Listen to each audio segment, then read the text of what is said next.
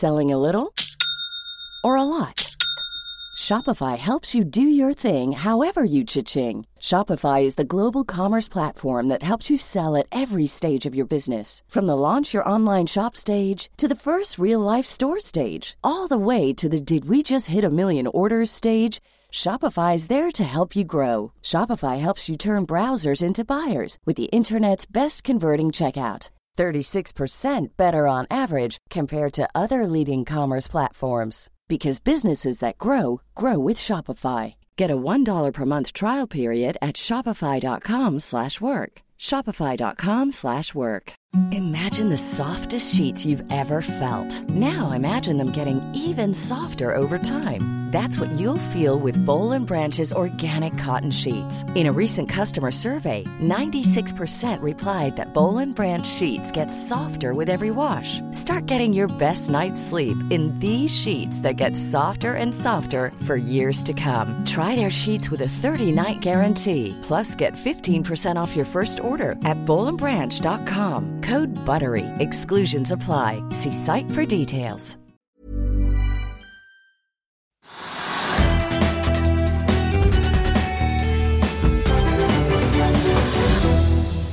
Det ble ingen renteøkning, men boliglånskundene kan ikke puste lettet ut helt ennå, for Ida Wolden Bakke, sentralbanksjefen altså, lover at det kommer en renteøkning til, eller kanskje blir det to. Velkommen til Økonominyhetene alle sammen. Kalenderen viser torsdag 19. januar. Mitt navn er Mai Storensen, vi skal selvfølgelig se nærmere på hva Norges Bank egentlig sa i dag, og vi har besøk av Svedbanks sjeføkonom Kjetil Martinsen, som skal hjelpe oss med det. Han kommer straks. Før det må vi ta unna litt om markedet og andre nyheter som har preget eh, dagen. Vi så jo Wall Street i går ende ned eh, mellom halvannen og og 2% stort sett på de store indeksene, med unntak av Nasdaq, som slapp litt billigere unna med en nedgang på 1,2 Hovedindeksen her hjemme i går endte opp 0,3. I dag har det surnet som ventet, og vi ligger foreløpig ned en 1,6% Sjømatindeksen som tikket oppover rundt en halv prosent da i går, etter at Kepler Chevrø bl.a. kom med en ny sektorrapport der de nå skriver at de forventer en lakseskatt på kanskje 25 og ikke 40% Den har da falt litt tilbake en halv prosent igjen og er dermed tilbake ved start, får vi si. Rundt oss i Europa så er det også ganske rødt i dag. og Børsen her hjemme drives jo ned av flere store aksjer, bl.a. Equinor som er ned 2,4 og Aker BP som er ned 2 Oljeprisen likevel litt opp i spotmarkedet, 0,3% til 84,80. Den amerikanske lettoljen har bikket under eh, den eh, symbolske 80-grensen, ligger på 79,50 akkurat nå. Det er eh, andre store aksjer som også preges av det som skjer ute. Hydro falt rett ned fra start i dag, først 2,5% Forsøkte deretter å holde seg over 80 kroner, men har da etter Alcoa-tallene fra USA i går deiset ned og ligger nå ned eh, rundt 5 til eh, snaue 79 kroner aksjen. Aluminiumsselskapet Alcoa i USA leverte noe skuffende inntekter i går, men omtrent som ventet på resultatsiden. Bunnlinjen viste et underskudd på 374 millioner dollar. og Alcoa Viser til både høyere råvarekostnader og også lavere priser ut i markedet på både aluminium og alumina. Hydro slipper sin kvartalsrapport den 14. februar. Komplettbank er ute med en oppdatering for fjerde kvartal. Den aksjen tikker oppover eh, rundt 4 i dag. Lånebalansen har vokst 30% siden andre kvartal i fjor, og de har et mål om å vokse 50 da innen utgangen av 2024, med startpunkt i andre kvartal i fjor. Komplett Bank melder også om at de tar et tap på 91 millioner eh, kroner unnskyld, knyttet til gamle IT-systemer. Et tap som da nuller ut det samlede overskuddet banken har hatt siden starten av eh, fjoråret. Og apropos eh, får vi si, rentenivåer, som vi har snakket en god del om i det siste.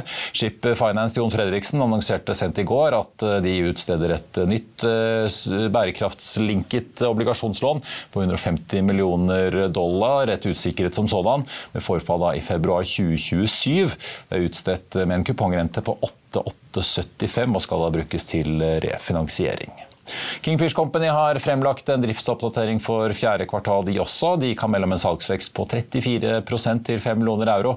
Aksjen er opp en snau halv prosent i dag. Og så har Veidekke eh, en annonsering om at de har fått et oppdrag fra Asker kommune for å bygge omsorgsboliger og et arbeidssenter på Nedre Sem gård. Det er en kontrakt til litt over 100 millioner kroner, og aksjen er ned snau en halv prosent i dag, til 103. Før vi kjører videre, så vil jeg bare minne om at hvis ikke du rekker å se denne sendingen, så kan du også høre den og søke opp Økonominyhetene på Spotify, Apple Podcast eller ved å gå inn på f1 podkast. Og så har vi jo selvfølgelig Meltwater, da. og Bare for å oppsummere oppkjøpstilbudet som vi diskuterte i detalj i Børsmorgen i morges, så er det altså sånn at oppkjøpsfondene Altor og Los Angeles-baserte Marlin vil bla opp da 18 kroner aksjen for å kjøpe teknologi- og analyseselskapet med en verdsettelse da på 5,6 milliarder kroner og ta Meltwater av børs.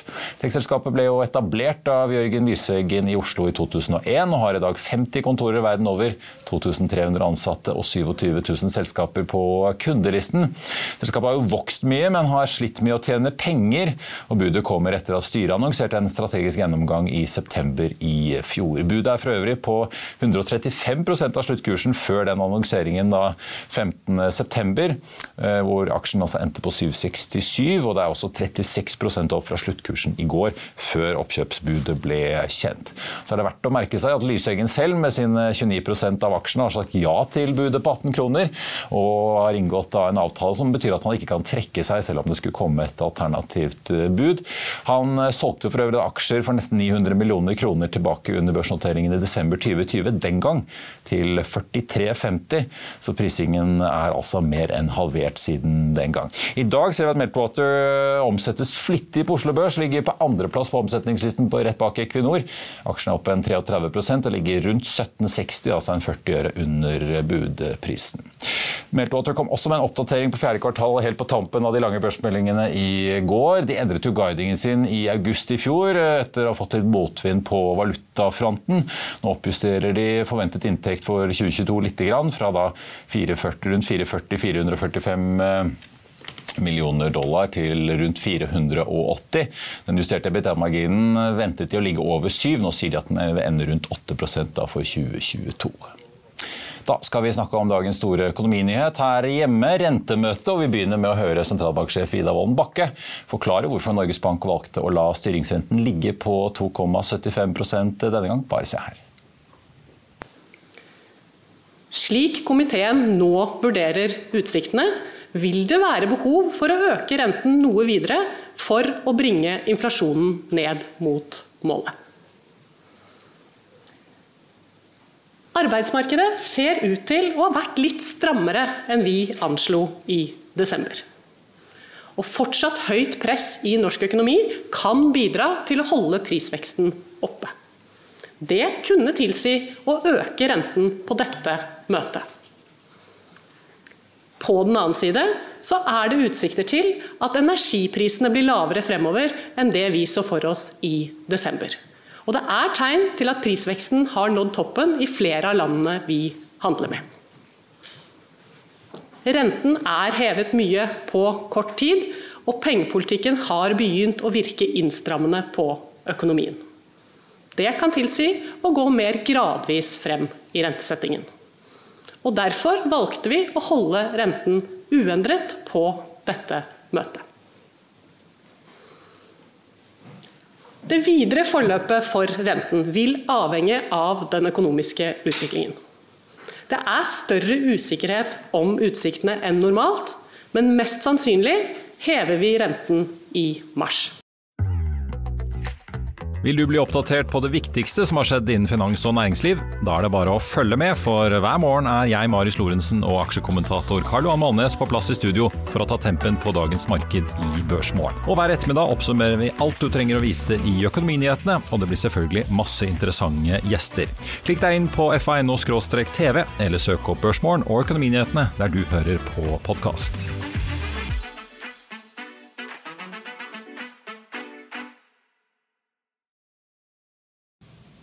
Velkommen tilbake. Da har vi fått besøk av Kjetil Martinsen, sjeføkonom i Svedebank.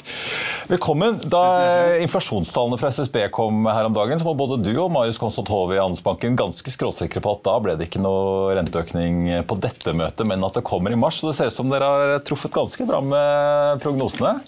Ja, og vi er litt sånn tilbake i litt mer gjenkjennelig terreng da, fra, fra, Norges Bank. Ja. Året i fjor har vært uh, veldig særegent, egentlig, med både doble ja. rentehevinger, flere på rad, og også dobbelthevinger på mellommøter. Og I dag var det jo et sånt mellommøte, altså hvor du ikke får noe ny rentebane, ingen nye anslag. og ikke denne pengepolitiske rapporten. og Det er ofte det man omtaler som hovedmøter. Eh, og da er det klart Når disse inflasjonsdataene kom, som var egentlig ganske godt i tråd med Norges Banks egne anslag, så var det på en måte ikke noen grunn til å avvike fra den guidingen de kom med i, i desember. Men Er det da egentlig mer eh, mekanikken og strukturen i rentemøtene som gjør at det kommer en økning som Ida Wolden Bakke hinter om at de gjør kanskje da i mars og ikke nå i januar, eller er det at de faktisk ønsker å vente og se litt? Ja, men... Både hvordan økonomien utvikler seg og hvordan renteøkningen de har innført, begynner å virke? På generelt grunnlag så er Norges Bank og egentlig alle andre også veldig usikre på hvordan økonomien egentlig fungerer, ikke minst hvordan rentehevingene slår ut i økonomien. Kanskje enda mer nå hvor du har hatt en veldig rask eh, renteoppgang. Og ikke minst også fordi denne sykelen vi er inne i nå er veldig særegen kontra de vi har hatt tidligere, med store beholdninger av oppsparte midler. Og du skal sitte og vente ut av dette. Du kan opprettholde både konsum og investeringer lenger enn, en, enn i en vanlig, vanlig sykkel. Mm. Så for Norges Banks del så handler det om at de kanskje ønsker å se an litt hvordan rentehevingene gjennom høsten slår ut i norsk økonomi. Og det har jo vært et drøss av måte, negative indikatorer som tilsier at veksten skal, skal, bremse ganske raskt opp. Men så har faktiske data, altså produksjonsdata fra BNP-tallene, arbeidsmarkedet som er litt mer ja, de er laggende, altså trege indikatorer, de har holdt seg veldig godt oppe og egentlig vært noe sterkere enn det Norges Bank har lagt til grunn. Så det er sant, det store spørsmålet har, kall det disse bedriftsundersøkelsene rett? Kommer bremsen til å være kraftigere enn det eh, Norges Bank har lagt til grunn? NHO har vært veldig negative i sine markedsutsikter utsikter. Eh, men samtidig ser vi at det tar litt tid altså, før det omslaget kommer ut. Så Norges Bank har litt bedre tid. De har allerede hevet rentene eh, veldig mye. Vi vet vi er i et innstrammende nivå. Um, og så er det, det spørsmålet hvor mye er egentlig nok for å få ned kjerneinflasjonen. og Det er egentlig det som er hovedpunktet nå.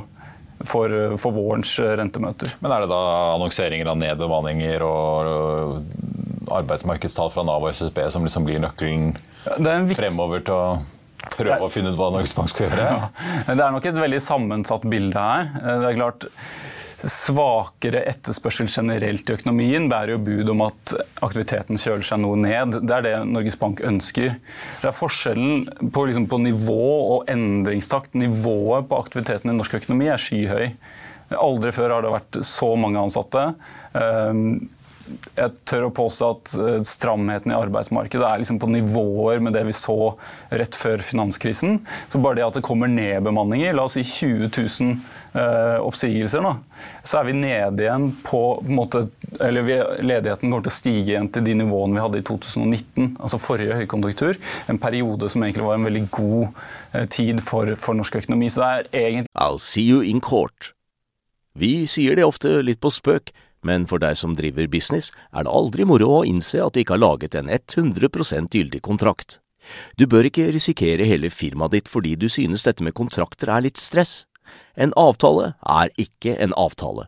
Du kan miste kunder, miste venner, ja, til og med miste inntekter om du ikke lager en skikkelig kontrakt, på alt mulig, egentlig. Men vi vet det er et styr. Kopimaskiner, treg printer og haugevis av papir. Dessuten stoler vi jo på folk her i landet. Det er ofte litt kleint å skulle be om en signatur for alt mulig, ja, for mye av styret handler også om jakten på underskriften. Det finnes en enkel måte å løse dette på, Dukkobit, en trygg, effektiv og get this, gratis måte å sikre seg en god natts søvn pluss en juridisk bindende avtale. Dukkobit-appen har de strengeste sikkerhetskrav i bunn, samt en EU-godkjent og sertifisert teknologi. Framover vil det bli behagelig å spørre du, skal vi skrive under på det, eller? Kom i gang på dokobit.no. Litt sånn i makro, ingen dramatikk, men det gjør veldig vondt. Og man er usikker på om det omslaget går an å stoppe. En slags myk landing, som jo har vært uh, fjorårets uh, store mantra. Um, og det er nok det som måte, gjør Norges Bank ekstra uh, usikre i den tiden vi går inn i nå, og kan ta seg bedre tid i, i å se an rentehevingene. Ja, for Det virker som det er ordentlig bra fart i olje- og energinæringen. Eh, og Kraftbransjen går jo så det griner med de kraftprisene de har, selv om eh, regjeringen skal ha litt ekstra skatt. Ja. Så er det jo store inntekter. Absolutt. Mye, og mye aktivitet. Så får vi jo, ja, men i hvert fall oljen så er det jo mye investeringsaktivitet. Ja, Norsk økonomi er veldig delt. På den ene siden alt olje- og energirelatert. Eh, maritimt òg, og mye som går bra der. Eh, mens det som er mer husholdningsrettet, er jo ventet å bli betydelig surere eh, fremover. Og det går jo rett og slett på at kjøpekraften til husholdningene er tatt kraftig ned, um, og også at rentehevingene kommer til å bite uh, i større grad også gjennom uh, ja, resten av vinteren i år og inn i, inn, inn i våren. Ja. Men da blir også lønnsoppgjøret en veldig viktig stasjon, også inn i pengepolitikken. Um, det er klart, vi får Norges Bank eh, kommenterer det selv også. Energiprisene er gått ned. Vi har hatt en varm vinter i Europa. Det er viktig også for bedriftene å tenke kostnadspresset inn der. Men i et uh, fremdeles veldig stramt arbeidsmarked, jeg tror det er mange på arbeidstagersiden som kan ønske seg og se for seg reallønnsvekst i år, så blir lønnsoppgjøret viktig også med tanke på hvor lenge vi kommer til å ha høy kjerneinflasjon. Det er det de er redd for, at, uh, at, ja, at arbeidstakere skal gå og kreve for mye, og så snur bedriftene seg rundt og skal øke prisene ja, og, ned igjen, og så har du det gående. Og en ting er på en måte at Det er veldig mange tegn som peker på internasjonalt. Vi har sett i data fra USA. vi har sett i produsentprisene at vek, altså, prisveksten kommer ganske raskt ned på alt som er energirelatert og alt som er varerelatert. At pandemieffektene tømmes litt ut her. Og Det som gjenstår da, er egentlig presset i, i arbeidsmarkedet og på, ja. på lønnsveksten og dermed også tjenester. Men Kan ikke dette snu eh, veldig fort? For nå ser jeg jo de, de viser til at arbeidsmarkedet i Norge fortsatt uh, gjør det bedre enn ventet. altså ja. det er strammere enn ventet. Så viser de til at prisveksten ute ser ut til å ha nådd toppen, og energiprisene blir lavere enn ventet. Mm. Men energipris, det kan jo fort snu hvis eh, det, kan, ja. det, blir litt kaldere og plutselig kommer det ikke noe russisk gass inn til Europa likevel, og Kina åpner opp. Så plutselig er det jo ting i bevegelse som gjør at det bildet snur ganske fort. Ja, Forventningene til på en måte, rentetoppen en periode i høst, så var det liksom frykt for at dette kan gå virkelig mye lenger. Eh, flere av disse Fed-medlemmene i USA som pekte på at rentene må betydelig høyere enn 5% fordi dette ser ikke ut til å snu. Det den tonen er veldig endret. Altså, markedet også priser inn betydelig lavere renter allerede fra ja, slutten av året i år og inn i, inn i neste år sågar både i Norge og i, og i utlandet. Um, samtidig så må vi huske på at uh, sentralbankene har et mandat om at inflasjonen skal være rundt 2 um, Og den er tregangeren fortsatt? ja, uh, men det nærmer seg selvsagt, og det, det gjør nok uh, ting bedre. Um, samtidig så er på en måte det de er redde for, den feilen de virkelig ønsker å unngå, er jo å se at inflasjonen ikke kommer helt ned. Um, og Dermed liksom, skal man være helt sikker på at den kommer ned, så kanskje ta i litt ekstra. Holde rentene litt høyere litt lenger, bare for å være helt sikre på at inflasjonen kommer ned. Og Det er veldig annerledes nå kontra hva det var i 2019. Ja, for Nå spekuleres det, nå kommer det rentebeslutning fra Federal Reserve i USA 1.2., mm. så det er jo ikke mange dagene til. Eh, der snakkes det kanskje om vi får eh, en økning på 0,25 nå, at de deretter kanskje venter et møte for å se litt an. Eh, nå er jo Ida Wolden Bakke ganske tydelig på at det kommer nok en økning da i mars, men tror du det blir den siste, eller kan det komme en etterslenger før sommeren på en av møtene nærmere jeg står mellom at mars eller juni er den siste rentehevingen. så Enten så lander vi da på, på 3 eller 3,25. og Veldig mye av dette handler rett og slett om måte, hvordan disse tjenester, ledende indikatorene vi har for norsk økonomi, eh, de, eh, om de på måte treffer på, på faktisk utvikling, bl.a. I, i arbeidsmarkedet. Skal ikke heller kimse av ikke sant? Lavere energipriser nå gjør noe med kjøpekraften til både husholdninger og bedrifter fremover. At vi kan få et litt sånn oppsving igjen i f.eks. varehandelen, eh, eventuelt også, også boligmarkedet. At kall det positiviteten kommer noe tilbake igjen her. Ja.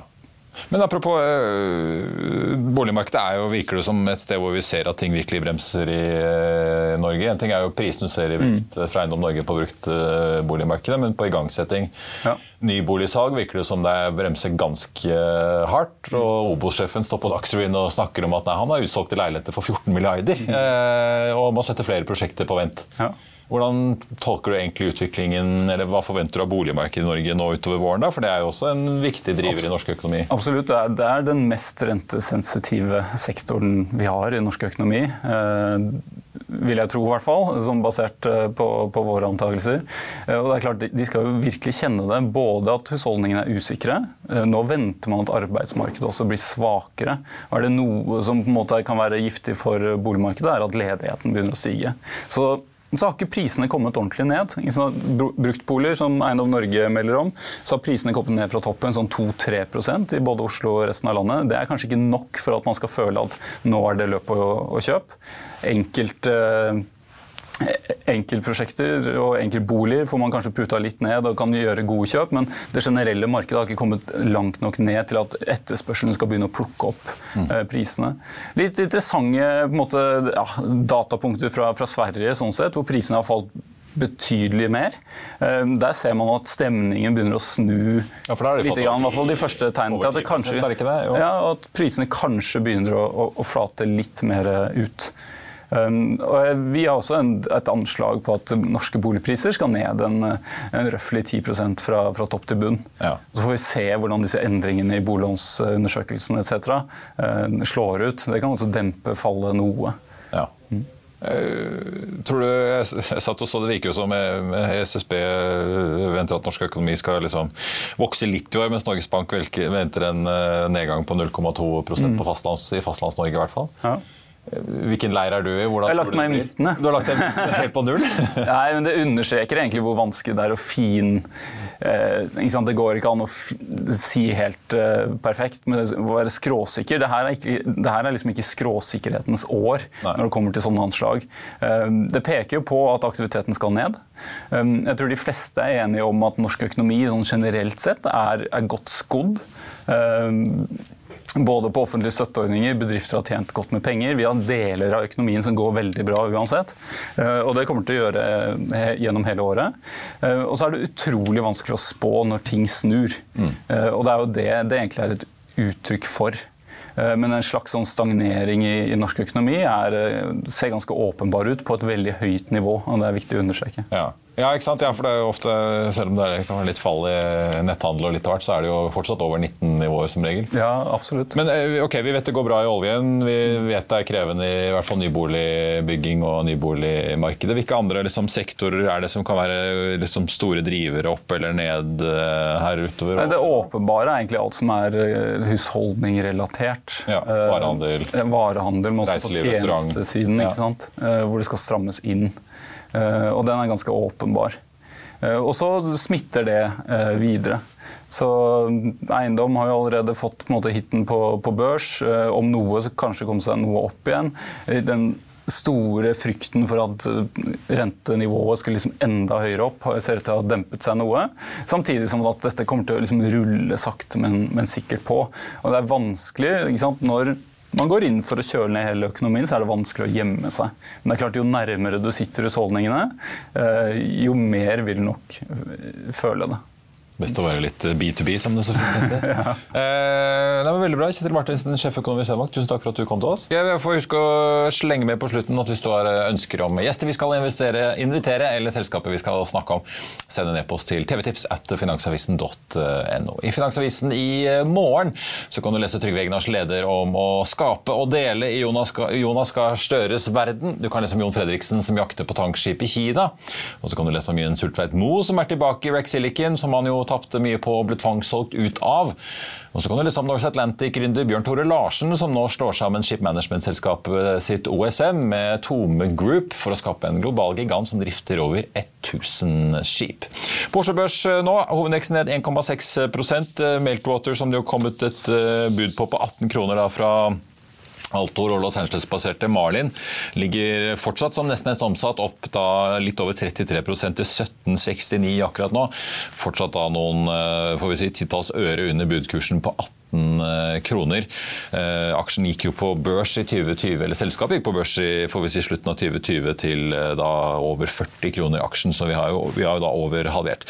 Ellers på mest omsatt-listen, Equinor bidrar til å trekke ned. Ned 2,3% ligger de nå. Norsk Hydro Der har nedgangen bare forverret seg. Hydro ligger nå ned 5,3% etter at konkurrenten Alcoa i USA slapp sine kvartalstall på tampen av kvelden i går. Aker BP trekker også ned 2,1% og Yara også ned 2,1 Verdt å merke seg Hafnia. Eh, det er jo ikke så lenge til EUs produktembargo mot Russland etter planen skal inntre i starten av februar. Hafnia ligger ned 2,7% og også ganske høyt oppe på omsattlisten. Bak Telenor og Movi. Movi ligger helt uendret eh, bak SalMar opp 1,1, Telenor opp 1,9% Får vi også slenge med oljeprisen helt på tampen. 84,90 koster et fat nordsjøolje nå i spotmarkedet. Da er vi ved slutten av denne sendingen. Tre ting som er verdt å få med seg senere i dag. Klokken 17 så får vi oljelagertall fra USA. Og så kommer det kvartalstall fra bl.a. Netflix og Procter Gamble på Wall Street eh, senere i kveld. De kan kan du selvfølgelig lese mer om på fa.no, der du også som alltid finner siste nytt fra økonomiens eh, verden. Vi skal selvfølgelig også oppsummere det viktigste for deg i Børsmorgen da 08.55 i morgen. Da kommer også aksjesjef Fredrik Lunde i Carnegie. Du vil heller ikke gå glipp av økonominyhetene som kommer da 13.30 i morgen, siden det er fredag. Da får vi besøk av SEBs analysesjef for råvarer, som altså skal gi oss siste nytt om hva vi egentlig vet om dette produktembargoet fra EU, som altså skal inntre, inntre i starten av neste måned hvis alt går etter planen, og som kan kan gi store utslag i både handel og råvaremarkedene. Men det er i morgen, altså. Denne sendingen er ved veis ende. Mitt navn er Marius Thorensen. Tusen takk for at du tok deg tid til å være med oss, enten du så eller hørte på. Ha en riktig god torsdag. Vi ses.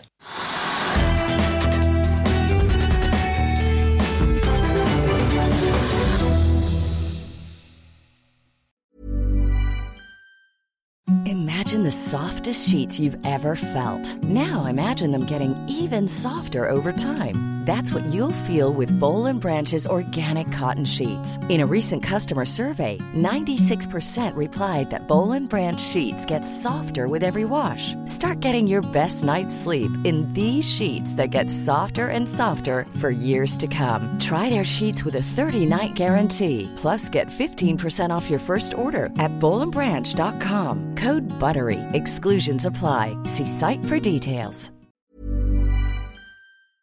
Økonominyhetene er en podkast fra Finansavisen. Programledere er Marius Lorentzen, Stein Ove Haugen og Benedikte Storm Bamvik. Produsenter er Lars Brenden Skram og Bashar Johar. Og ansvarlig redaktør er Trygve Hegnar.